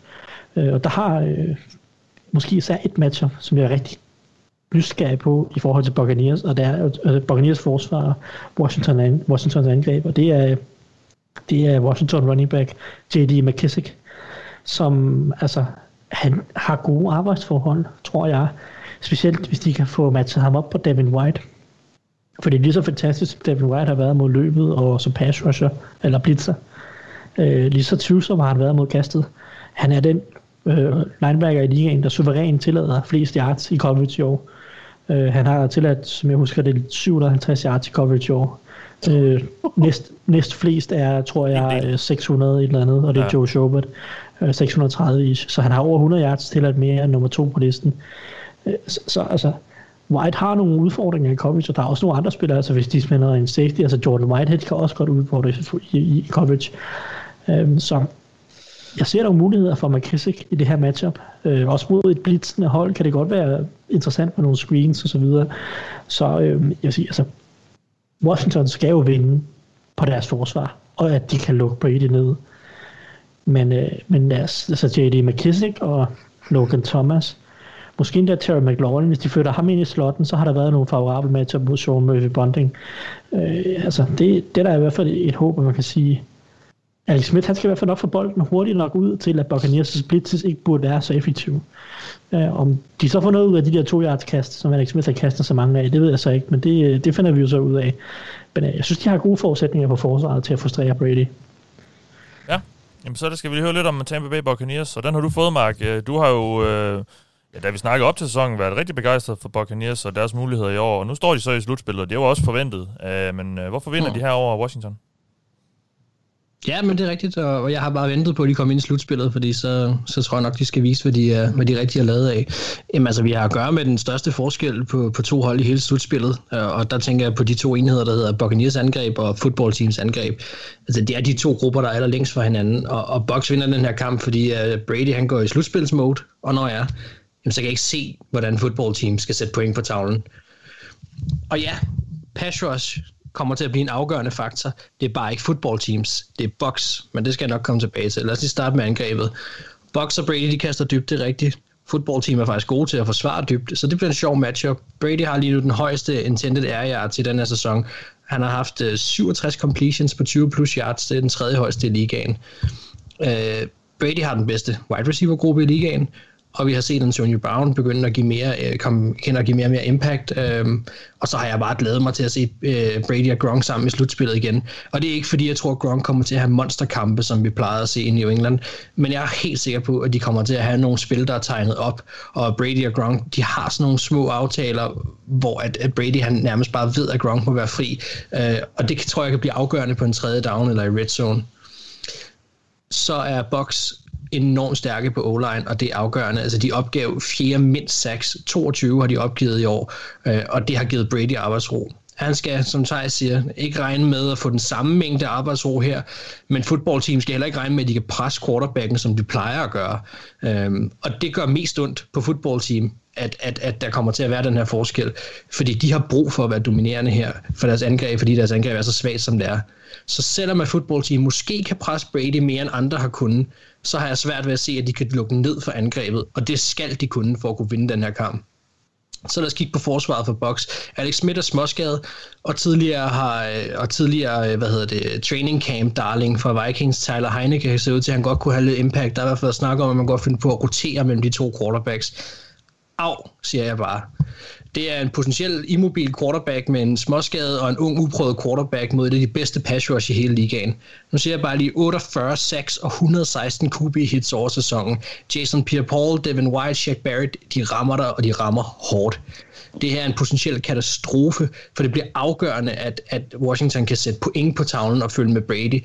Specielt fordi, at, at, at hvad hedder det, fodboldteam har tilladt 50 6 i år.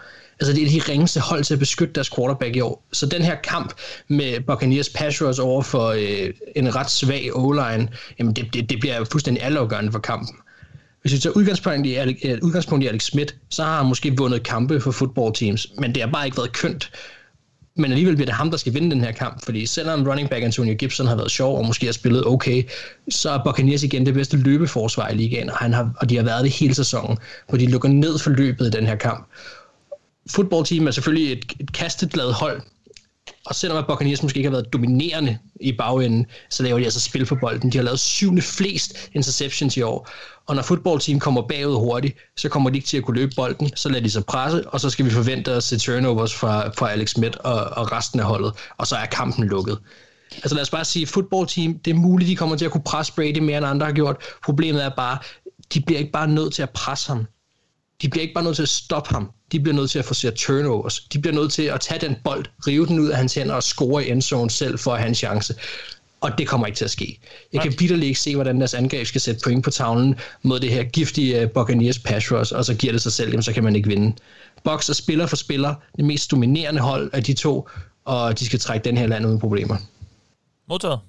Vi øh, hopper videre til øh, et AFC-opgør, og det er altså et, hvor der måske er lidt mere end bare en øh, avancement i slutspillet på spil. Fordi det er Ravens Titans, en kamp, der jo i sidste år øh, resulterede i, at samtlige øh, øh Ravens-fans hjerter blev revet ud af brystkassen på dem. Øh, og, og Anders, du blev efter det grædende tilbage nærmest, tror jeg, eller hvad? Det var tæt på i hvert fald. Ja. Øh, du er jo Ravens-fan, til dem, der ikke lige ved det, og derfor har jeg givet dig Titans. Ja. Yeah. Bare fordi, Uh, hvorfor vinder de igen over Lamar Jamen, og Ravens? Lad mig lige sætte scenen, fordi det, forestil dig det her. Det bliver to atletiske Mike Tysons, hvor den ene er større og mindre hvid end den anden, mod tre atletiske Mike Tysons, der ikke er lige så store som den ene af de to Mike Tysons på den anden side, men mere væver. Ja. De møder hinanden. Okay. Det glæder mig For til at få to hold, der Ja, ja, det er to hold, der er begge er i top 5 i EPA per løb over de sidste tre uger. Ravens er to, Titans er femmer. Samtidig med, at begge hold har ret så tynde løbeforsvar. Ravens opgiver 5 yards per løb. Uh, ja. Der faldt forbindelsen lige ud af Anders.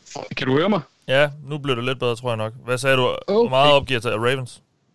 Øh, 5 5,0, og Titans det er 5,6 ja. yards per løb.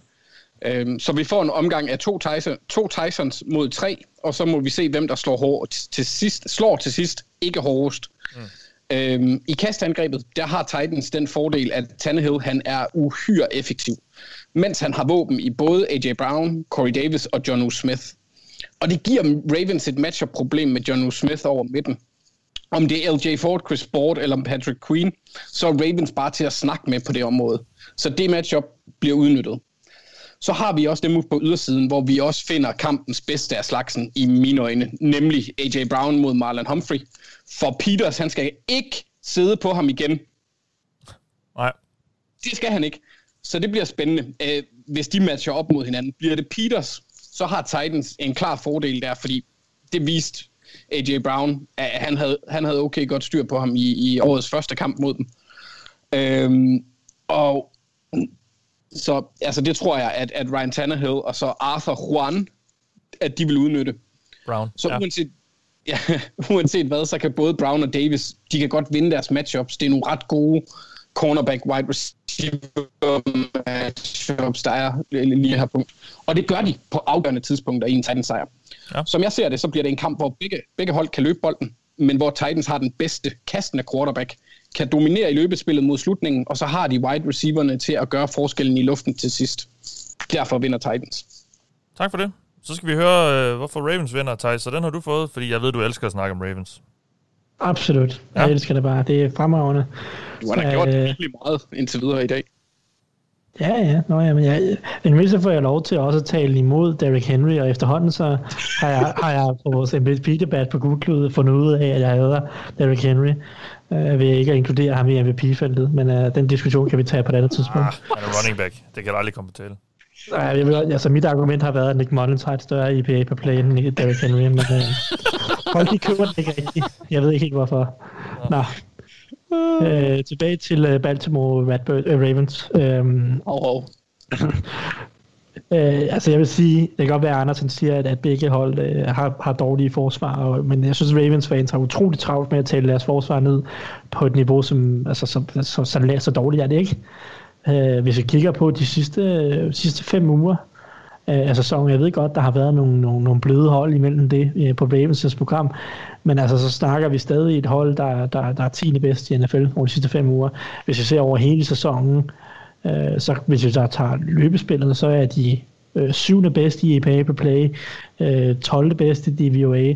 Altså så, okay, det er ikke dominerende, men det, det er da væsentligt bedre end Tennessee Titans, som er, øh, hvis vi kigger overordnet på det hele forsvaret, 28 i EPA på play, 29 i DVOA. Altså hvis vi snakker om et af ligaens absolut dårligste forsvar, der bare især den sidste, ja, de sidste par uger bare har fået mega meget smæk af Aaron Rodgers og Deshaun Watson. Uh, man kan sige, for to uger siden var det mindst så meget løbespillet med AJ Dillon og øh, Aaron Jones. Øh, og, og vi så sådan set også David Johnson have rimelig pæn succes i weekenden. Så jeg synes, at Titans forsvar er markant værre, også løbeforsvar, end Ravens er. Og jeg synes, at Ravens forsvar er mere varmt, undskyld, Ravens angreb er mere varmt end Titans angreb, også er Øh, jeg synes også, at kastespillet hos Ravens begynder at komme i gang øh, med, med, med, med Lamar Jackson, som, som begynder at ligne lidt den MVP, han var sidste år, hvor han også sagtens skulle kaste bolden. Få mere gang i Marquise Brown, der har været en større del af det. Vi ser også i weekenden, hvordan øh, Mark Andrews, øh, eller ser nogle af de her kampe, hvor Mark Andrews var fornuftig, og Mark Andrews var også Ravens førende receiver tilbage i den her Titans kamp tidligere i år. Og hvis man kigger på den kamp specifikt, så synes jeg jo ikke, at det var Ravens forsvar, der var problemet. Jeg synes ikke, det var deres evne til at stoppe Derrick Henry, der var problemet.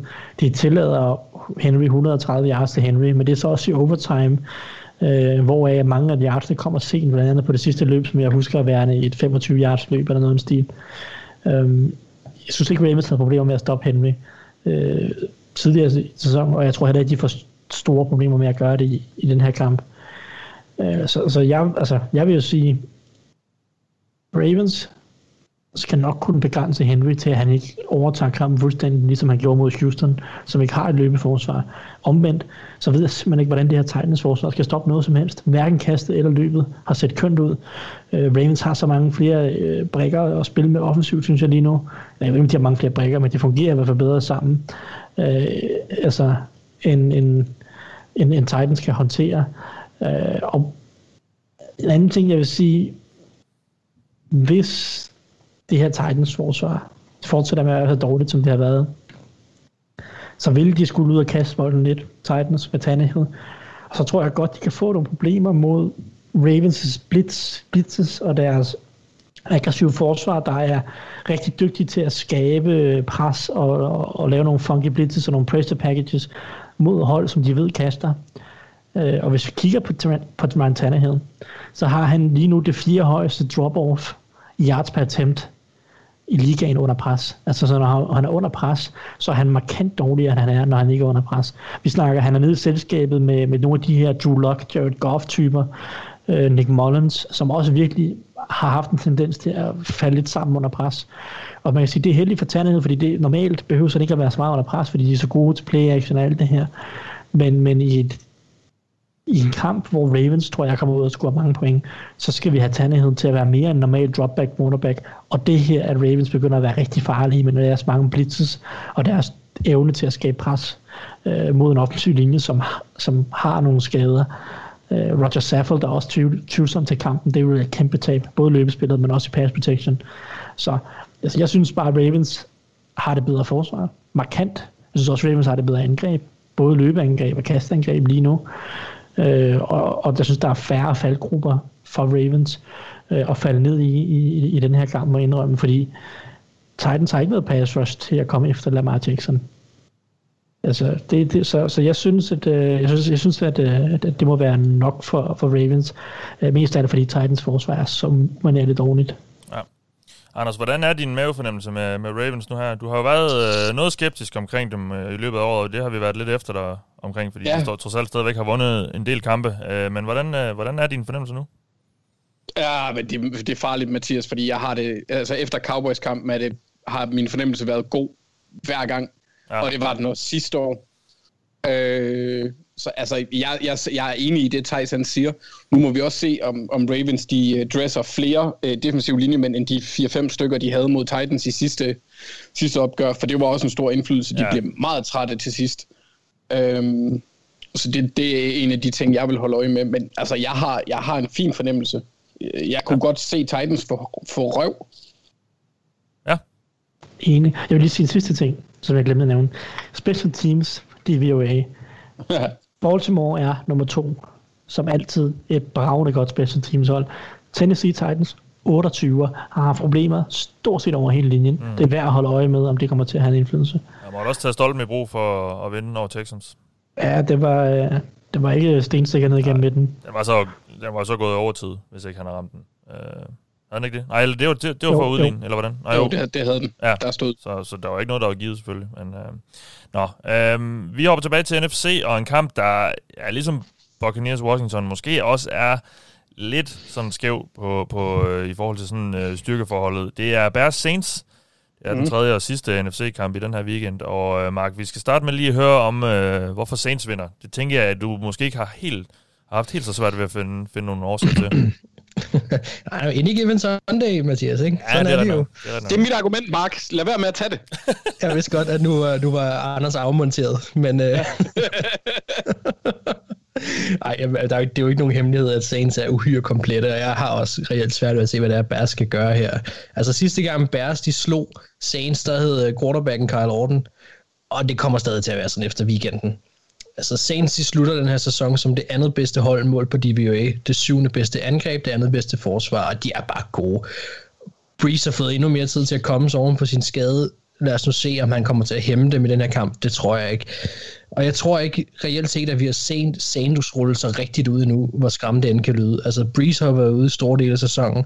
Michael Thomas har været ude. Camara har lige siddet ude. Og selv hvis ikke han kommer tilbage, det regner vi med, at han gør, jamen, så får de i hvert fald resten af deres running backs tilbage, og, og det er nok udgangspunktet i Saints angreb, jamen Saints angreb er virkelig godt, og de har bare for mange strenge at spille på, til at Bears skal følge med. Når Breeze er inde, så slipper han bolden virkelig hurtigt. Det er sådan lidt uh, Big Ben-agtigt. Det er forholdsvis korte bolde under 10 yards, og derfor kommer han sjældent under pres. Og det er i den grad til Saints fordel. Uh, Bears har ikke haft den bedste sæson, hvad angår at forsvare sig mod kast på under 10 yards, og vi har tidligere i sæsonen set, hvordan Breeze som en kirurg har skåret Bears forsvar fra hinanden. Øhm, derudover så har vi at gøre med to hold, som begge har, øh, har gode tal på tredje down. Det ene med at stoppe modstanderens hold, og det andet med at konvertere, og det matchup kommer senest til at vinde. Øh, igen, de har for mange strenge at spille på. Camara er en trussel, Emmanuel Sanders er en trussel, Jared Cook er en trussel, og endelig så har vi Taysom Hill, og når han ikke skal spille quarterback, så kan han stadig komme ind og være afgørende på tredje downs, alene bare ved sin tilstedeværelse, så kan han være med til at forvirre forsvaret. Er det en, man vil give bolden til at løbe? Er han fullback? Kaster han bolden? Ender han som receiver, som vi så i, i sidste uge? Jamen altså, det, det, der, der er mange muligheder der. Jeg synes, de har rigtig mange strenge at spille på. Og jeg mener om det her scenarie gælder sådan set også i red zones. Og selvom at bære, øh, selvom at bære så gode der, så er Saints bare bedre. Og så bliver vi nødt til at tale om, at hvis Rokon Smith er ude, altså så bliver det umuligt for dem at stoppe Saints angreb. Hans erstatning, Josh Woods, havde nærmest, havde nærmest ingen NFL-erfaring. Hvad skete der sidste uge, da han kom ind, og han blev brændt for en touchdown af Aaron Rodgers? Rodgers udnyttede ham, Breeze vil udnytte ham. Derudover så er Bears ramt af småskader yderligere, som kan indvirke. Altså Jalen Johnson og Buster, Skrine er ramt af skader. Skrine har siddet ude med en, øh, hvad hedder det, en concussion, der har holdt ham ude de sidste fire kampe. Johnson er ude med en skulderskade. Øh, det var altså faktisk også en skulderskade, der holdt ham ude i, college, så jeg synes, det er lidt bekymrende. Der er ikke nogen status på ham endnu, så vidt jeg har set, om han kommer til at spille, men det er i hvert fald vigtigt.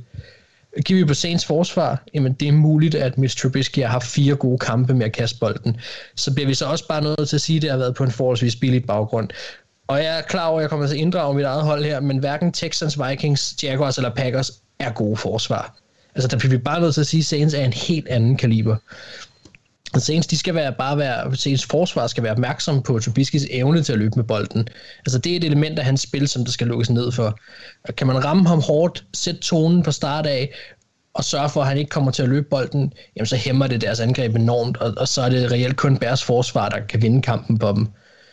Bears, de vil gerne fodre øh, Montgomery, og det skal de endelig gøre, fordi Saints løbeforsvar er blandt de bedste i ligaen. PFF har dem som nummer to. Jeg har svært ved at se, hvordan de kan kunne komme ud og dominere den her kamp ved at løbe bolden, øh, og det er jeg ret sikker på, at de gerne vil. Det er det, der har virket for dem, det er det, der har skabt muligheder på bootlegs, det er det, der har skabt frie baner til Trubisky, når han har skulle løbe. Saints kommer til at lukke ned for det her, og så kommer de dermed til at lukke ned for kampen. Og så vil jeg sige, så plejer det jo, når det er en bærskamp, kamp, tit i hvert fald, at, at det er Bears, der løber med titlen som holdet, der har det bedste patch, pass rush i deres matchup. Det er det bare ikke i den her kamp. Altså, vi ser et langt mere effektivt pass rush for Saints i denne sæson, end vi gør for Bears, og hvis kampen bliver lagt over på Trubisky's skulder, så kan det her pass rush endnu en gang være med til at lukke inden kamp. Og så bliver vi nødt til at snakke om skader igen også her. Altså, Darren Mooney, potentielt kan han være ud. Allen Robinson, han har været plaget af en, af en hammy, og, og selvom han spillede, jamen, så ved vi, at sådan en skade, det kan være en hemsko for, at man yder maksimalt. Og hvis der er en spiller, der skulle yde maksimalt den her kamp, ja, så skulle det være Allen Robinson. Så den korte konklusion på det meget lange, det må være, at Saints i overmatcher Bears på alle parametre. De er det bedste hold. De har for mange strenge at spille på, og Bears er ordentligt køb ramt af skader. Saints win. Ja, tak for det, Mark. Vi skal øh, til den sidste kamp. Mooney. Hvad siger du til os? Jeg siger Rip Mooney. Ja. Han må øh, komme stærkt tilbage næste år. Det, det gør han sikkert også. Øhm, Er han ude?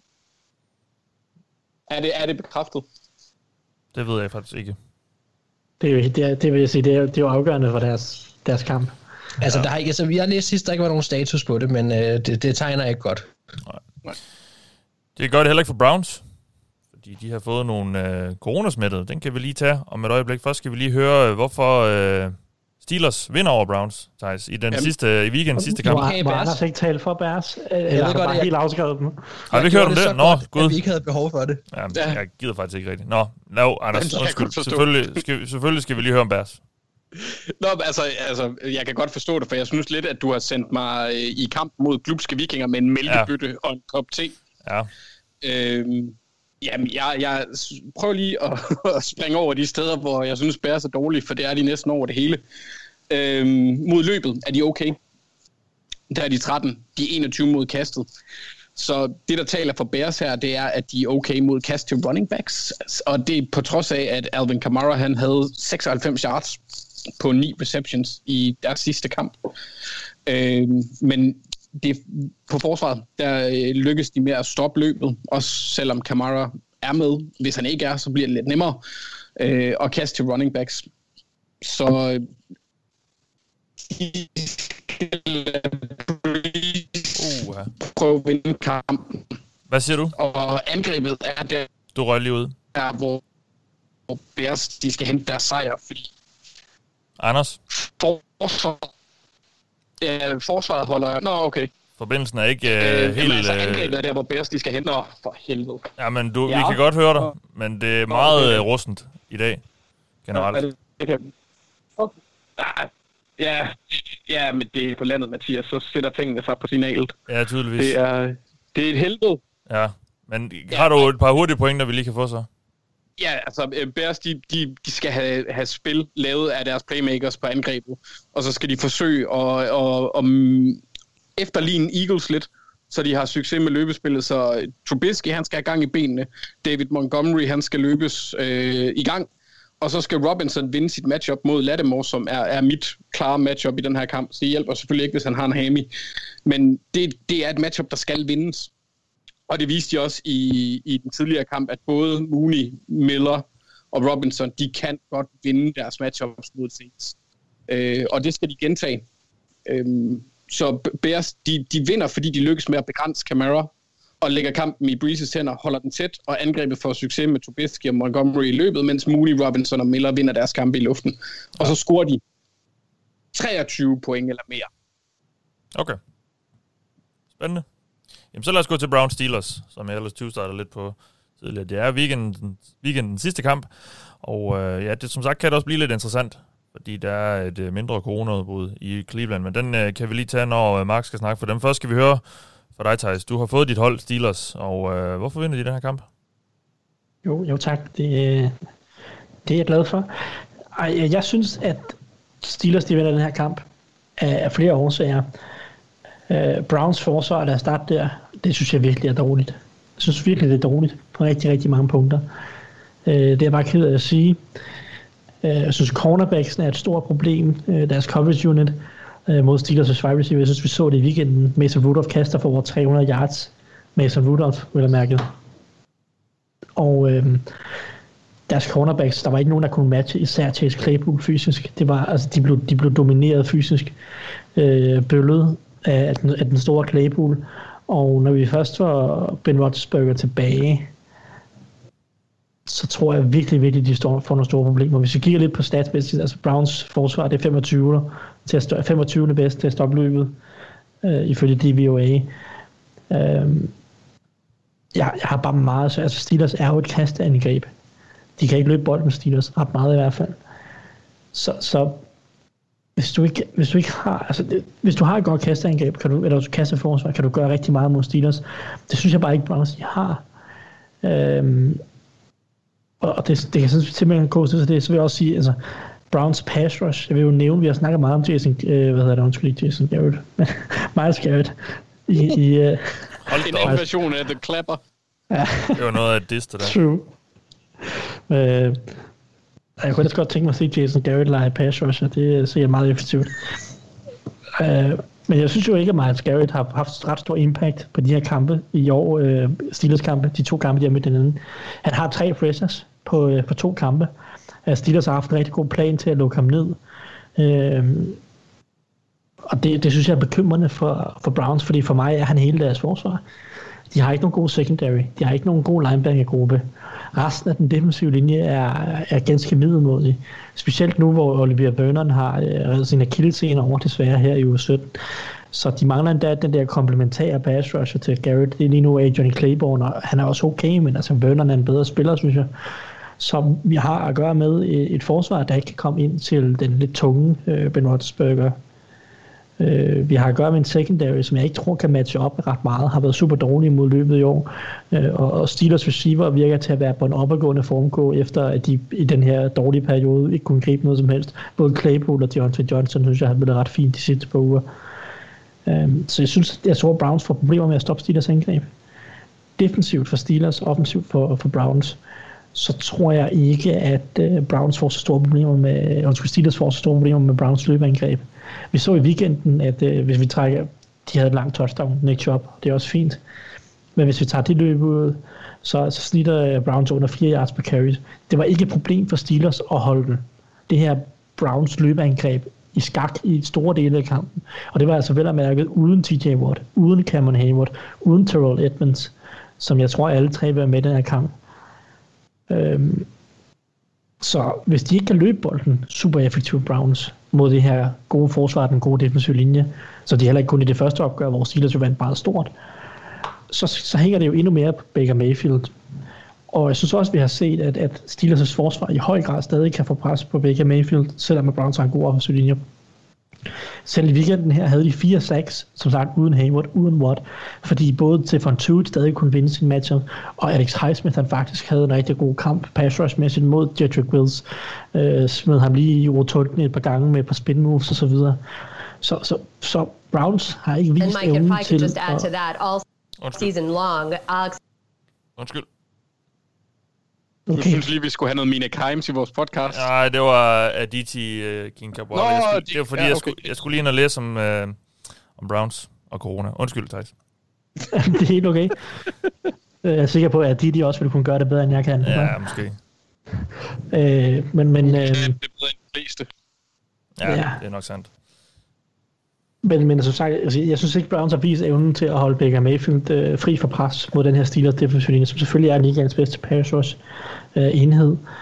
Øh, og og det, det betyder bare, at vi får en Baker Mayfield under pres, hvor vi tidligere har set ham altså, at vi ved, at han ja, kan lave nogle, tage nogle tvivlsomme beslutninger, og generelt holder på bolden meget, meget længe.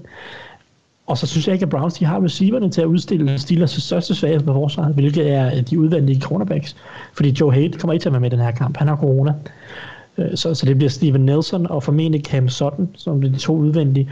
Og, og, og det er okay, men det er ikke noget særligt. Men, men hvem har Browns på, ude, på ydersiden af, af receiver? Det er jo Richard Higgins og Donovan Peoples-Jones. Det er jo ingenting. Altså, Jarvis Landry arbejder jo i slotten, og der er Steelers bedre besat øh, Øh, så at sige, med Mike Hilton, og det er nemmere at, at hjælpe derinde med linebackers og, og, og, og safeties derinde. Så jeg synes, at Browns de mangler våben på ydersiden. Øh, Baker Mayfield holder på bolden længe mod en defensiv linje, der kan skabe pres mod alle. Og jeg, jeg har ikke set Browns kunne løbe bolden ret effektivt mod Steelers' forsvar i år i de første to kampe. Så jeg synes, at jeg ser en del problemer mod, øh, for, for, for Browns angreb. Omvendt, så tror jeg ikke, de kan stoppe Steelers' øh, altså jeg tror ikke, at Browns forsvar kan stoppe Steelers' angreb. Nøglematchup vil jeg pege på Cameron Hayward mod hvem end der skal erstatte Joel Petonio. Øh, ja. apropos corona. Ja. For det kan du så tage, fordi lige nu der ligner det måske det er Michael Dunn, som jeg aldrig har hørt om før, som skal starte på venstre guard, fordi deres tredje valg, øh, Nick Harris, også er råd på IR. Så de, har, altså, de, er nede, de er nede på fire valget på venstre guard, og så kan han jo få lov til at hygge sig med, med Cameron Hayward. Mm. Det, øh, ja. det tror jeg, det kan bare ikke gå godt. Jeg vil sige, hvis de skal sende spillere på banen, du ikke har hørt om, så er det ikke godt. Øhm, og det er det jo så heller ikke, fordi det, jeg lige var inde og tjekke, da øh, min, øh, min lyd fra, fra, fra computeren pludselig kom ind i det hele, det var netop lige, hvordan, hvad status var i Cleveland. Og det seneste nyt er altså, at, at fem personer, som vi sidder her onsdag aften, er konstateret smittet, og, og den ene er altså head coach Kevin Stefanski, som altså så af den grund ikke kommer med til kampen. Og at, uh, en af de andre, det er guard Joel Betonio, som du også siger, Thijs, og som jo er en af deres bedste spillere på den offensive linje, hvis ikke den bedste. Uh, så det er noget at tabe, Mark, men uh, hvordan overkommer de det og vinder den her kamp? Og hvorfor? Ja, altså, det, det, nu startede jeg læste lige, uh, Adam Schefter på Twitter havde skrevet, at uh, resten af Browns-spillerne var deres test ja. var kommet tilbage negativt. Ja, her, det er jo sådan set det er jo ret, uh, det er jo ret vigtigt, kan man sige, fordi vi vidste jo ikke om det her, det var om det ville stoppe ved dem. Mm. Um, Nej, men du har fuldstændig ret. Covid-19, det kommer desværre til at være en stor overskrift på den her kamp. Øhm, men altså, hvis jeg skal udpege et par ting, som der gør, at, at Browns vinder den her, jamen så er det Stefanskis offensive gameplan. Det er, den offensive linje holder, og så er det, at meget Miles, Miles Garrett bliver en faktor. Jeg vil lige starte på angrebet. Jeg synes, det er en katastrofe, at Kevin Stefanski ikke er på banen til kampen. Altså, vi har netop lige skulle give vores øh, individuelle bud på, på priser i år på Google Klud, på, på sæsonsvalgte priser, og jeg kan godt øh, afsløre, at han bliver ikke valgt, men jeg valgte Kevin Stefanski som årets head coach. Jeg har virkelig været imponeret over ham, og, og, og jeg synes ikke, det er tilfældigt, at det var ham, der blev træneren, som endte med at ende Browns vanvittige slutspilstørke.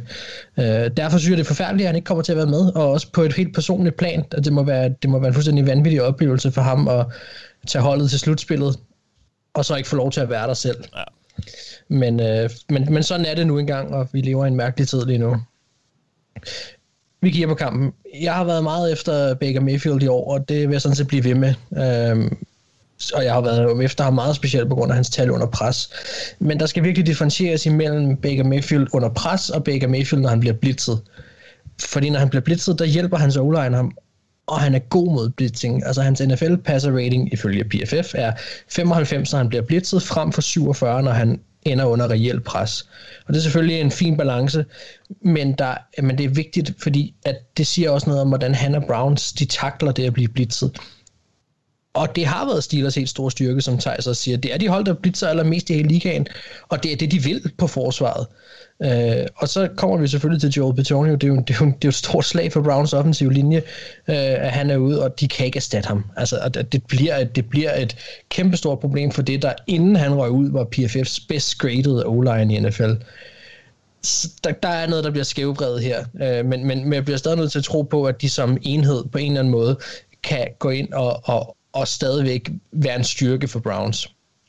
Altså Steelers forsvar suveræn mod kastet, men de er ikke mod løbet, og det er muligt, at, at Browns ikke har udløst deres potentiale fuldt ud med løbespillet, men det er netop der, at Browns har deres kvalitet, og det er i løbespillet. Og her er det så, at Kevin Stefanskis gameplan kommer ind, fordi hans viderebyggelse af det her outside zone har virkelig skabt nogle store huller til Chop og Hunt over sæsonen, og jeg forventer, at vi kommer til at se mere af de to sammen på banen.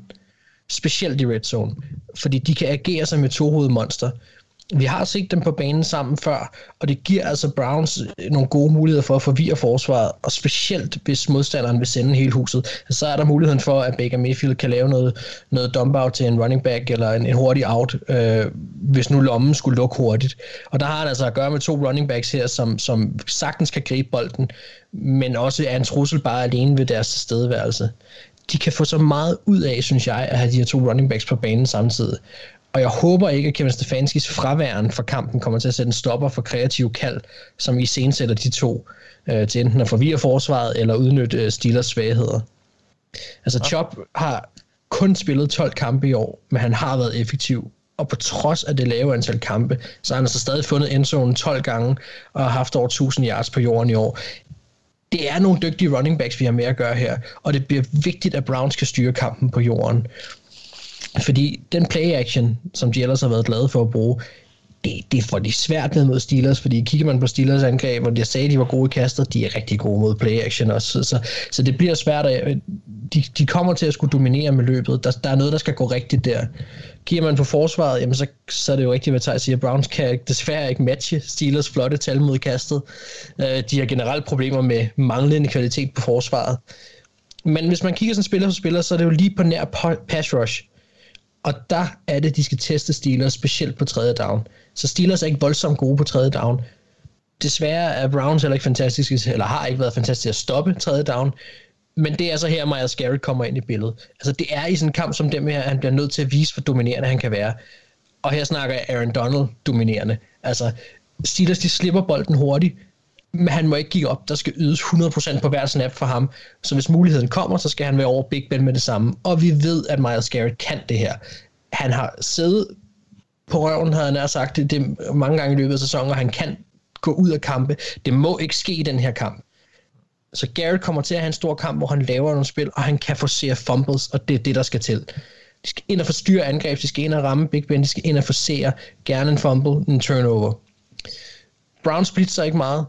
Det skal de heller ikke gøre mod Big Ben. Vi har været inde på det tonsvis af gange. Han slipper bolden hurtigt, så den fælde må de heller ikke ryge og begynde at gøre det. Men når Ben slipper bolden hurtigt, så lidt ligesom med Drew Brees, så betyder det, at vi ser en del korte kast. Og det er faktisk et af de få steder, hvor Browns forsvar er nogenlunde habile. Altså det er til at forsvare de der, øh, kort, øh, de der korte kast, som man vil sige under en 10 yards. Og der er det fuldstændig afgørende, at Browns kommer til at gøre det her, fordi hvis de kan stoppe det her quick passing øh, fra Steelers, så ændrer kampen karakter, fordi det, det er Steelers identitet på angrebet. Mm. Øhm, så konklusionen er, at Browns, hvis de vinder den her kamp, så har de syret kampen med at, at løbe. De er kreative. Kevin Stefanski, han har nogle, øh, nogle gode kreative kald for hans uh, outside zone og hans videre formation af det, og de udnytter Steelers svaghed på forsvaret, som er, at, at, altså, at, at de ikke er særlig gode mod løbet. Uh, og så har Miles Garrett, Miles Garrett en kamp med et eller to afgørende spil for den her kamp. Ja. Men det, det er vel unægteligt en svaghed, at det ikke er Stefanski, der, der kan stå og kalde spillene. Jamen altså, ja, hvis jeg skal være helt ærlig, så har jeg, har jeg faktisk ikke nogen idé om, hvad det kommer til at, at betyde. Jeg synes, det er forfærdeligt, hvis jeg skal ja. være helt ærlig. Ja. Øhm, det er, det er, han har jo selv været ude og, og, og prøve at skyde det lidt til jorden og sige, jamen, bare om jeg er der eller ej, så ved de jo stadig, hvad vi skal og så videre. Ikke? Men, men vi ved udmærket godt, in-game decisions kan være alt afgørende. Og det kan både være, hvis man tager en dårlig beslutning, men også, at man tager en god og får justeret. Og, og jeg, jeg synes, det er forfærdeligt, at han ikke er der. Den her kamp kunne have været den bliver stadig spændende. Ja. Men jeg vil gerne have set ham på banen, fordi jeg synes faktisk, han er den bedste head coach på banen. Det er, øh, det er Mike Prefer, der er vist tager over. Ja, hvad siger du, Mark? Ja. Det er godt, du stadig er der. Ja, okay, det synes jeg godt nok alligevel er, er stramme skruen lidt, men er okay. Ja, vi får det desværre ikke at se, jo. Nej, men nu kan du ikke vurdere det bare på én kamp, vel? Altså, Andy Reid, han taber også fodboldkampe, ikke? Ja, det gør Mike Tomlin også. Jeg kan ikke, det er ikke, fordi jeg ikke kan lide Mike Tomlin. Jeg siger bare, i den her kamp, jeg kunne godt se, at de kunne have et overtag der, men det får vi bare ikke lov til at se. Hvor højt mener du, Stefanski, han er på listen over head coaches? Den, den tager vi, den tager vi off-season. Den tager vi off-season. Og i den her kamp, hvis han havde været på banen, ikke sådan i NFL generelt. Nej, det er præcis. Ja. Ja, hvad, altså, så du mener ikke, at han generelt er bedre? Du tror bare, at han kunne vinde matchuppet? Nej, han er bedre, end han er... Det fik vi ikke med, Anders. Måske skal du bare tige stille. uh, vi, uh, vi, vi, tager den i, det, vi, vi tager den i offseason, uh, hvor vi jo, ligesom vi gjorde sidste år, vil lave vores. Uh, head coach power ranking.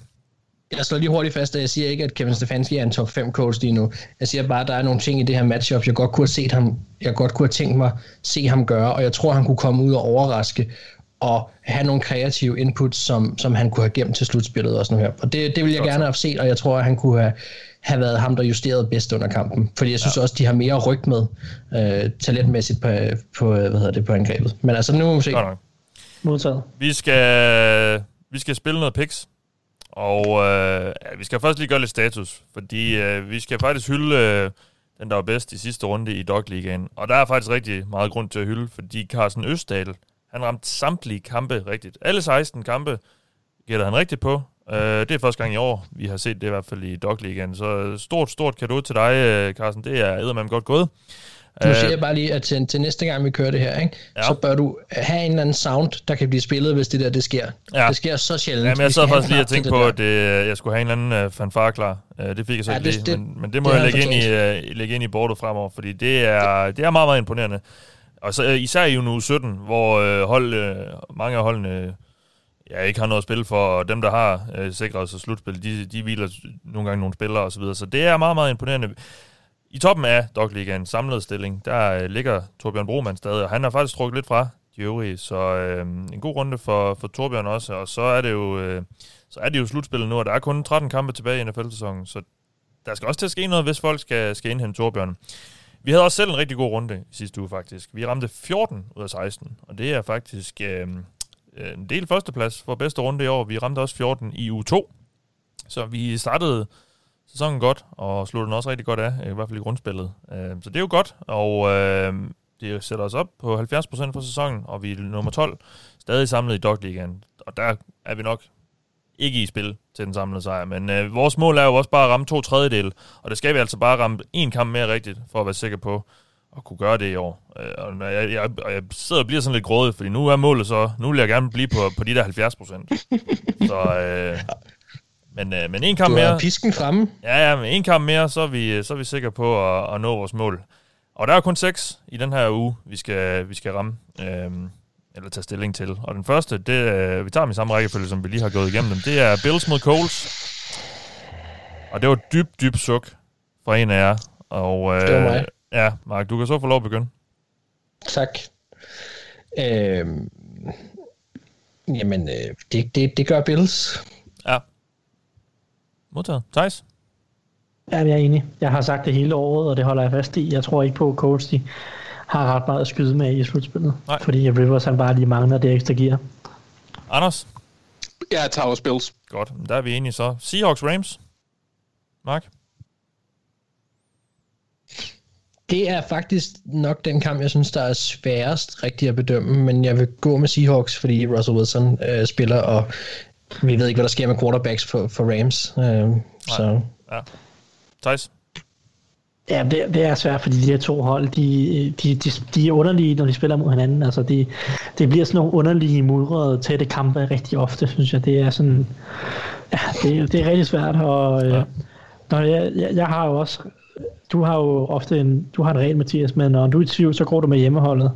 Ja, i år, er det, i år er det jo så faktisk ikke særlig godt, fordi hjemmebane får den er helt væk i år. Eller i hvert fald hjemme, ja, hjemmeholdene har ikke vundet øh, lige så meget, som de plejer at gøre. Men, men, men øh, jeg har så ikke en regel om hjemmebane, men jeg har så en slutspilsregel lidt, at når jeg er i tvivl, så tager jeg den bedste quarterback. Ja. Så derfor der går jeg med John Warford og Rams. er du seriøs?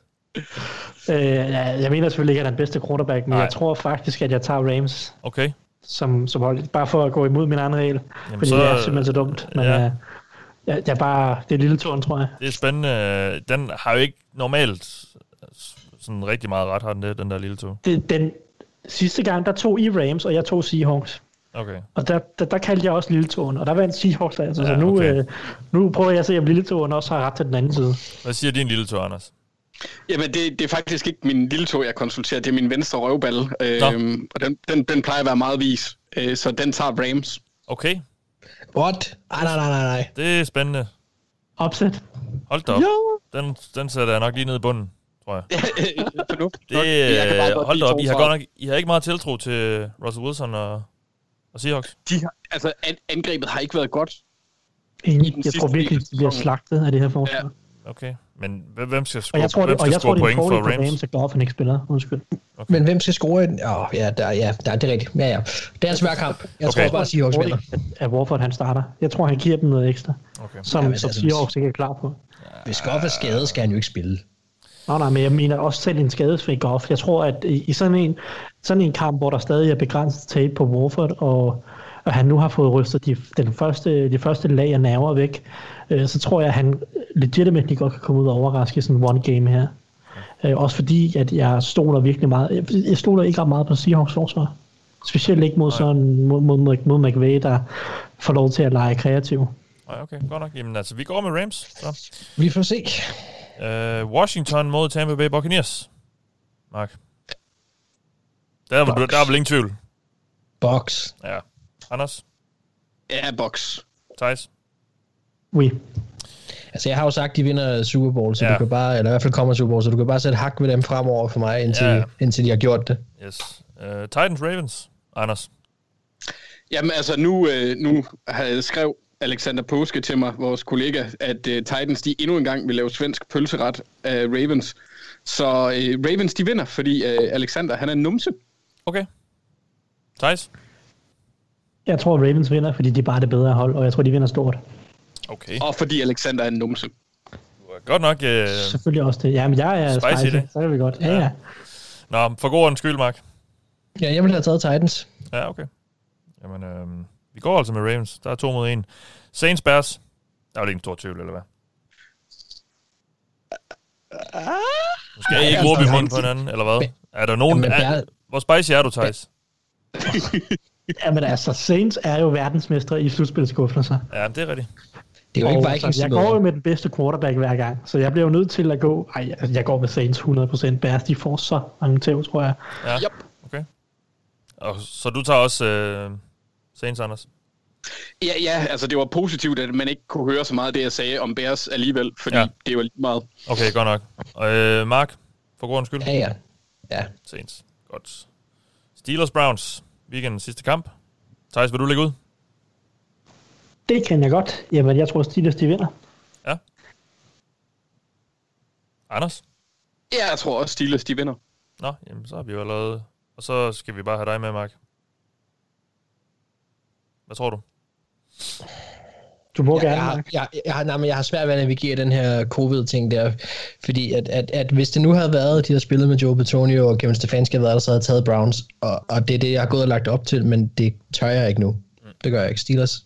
Godt, så er vi alle tre på Steelers. Og så har vi valgt alle seks kampe. Og øh, jamen, det var det for den omgang af det var vel kontor. Vi er jo tilbage i næste uge, hvor vi så skal snakke om de fire kampe i divisionsrunden i slutspillet. Og øh, i den omgang, der har du lyttet til mig, hedder Mathias Sørensen, med mig har haft Thijs Joranger, Anders Kaltoft og Mark Skabte Våbengård. Hvis jeg ellers skal få det sagt, vi lyttes ved.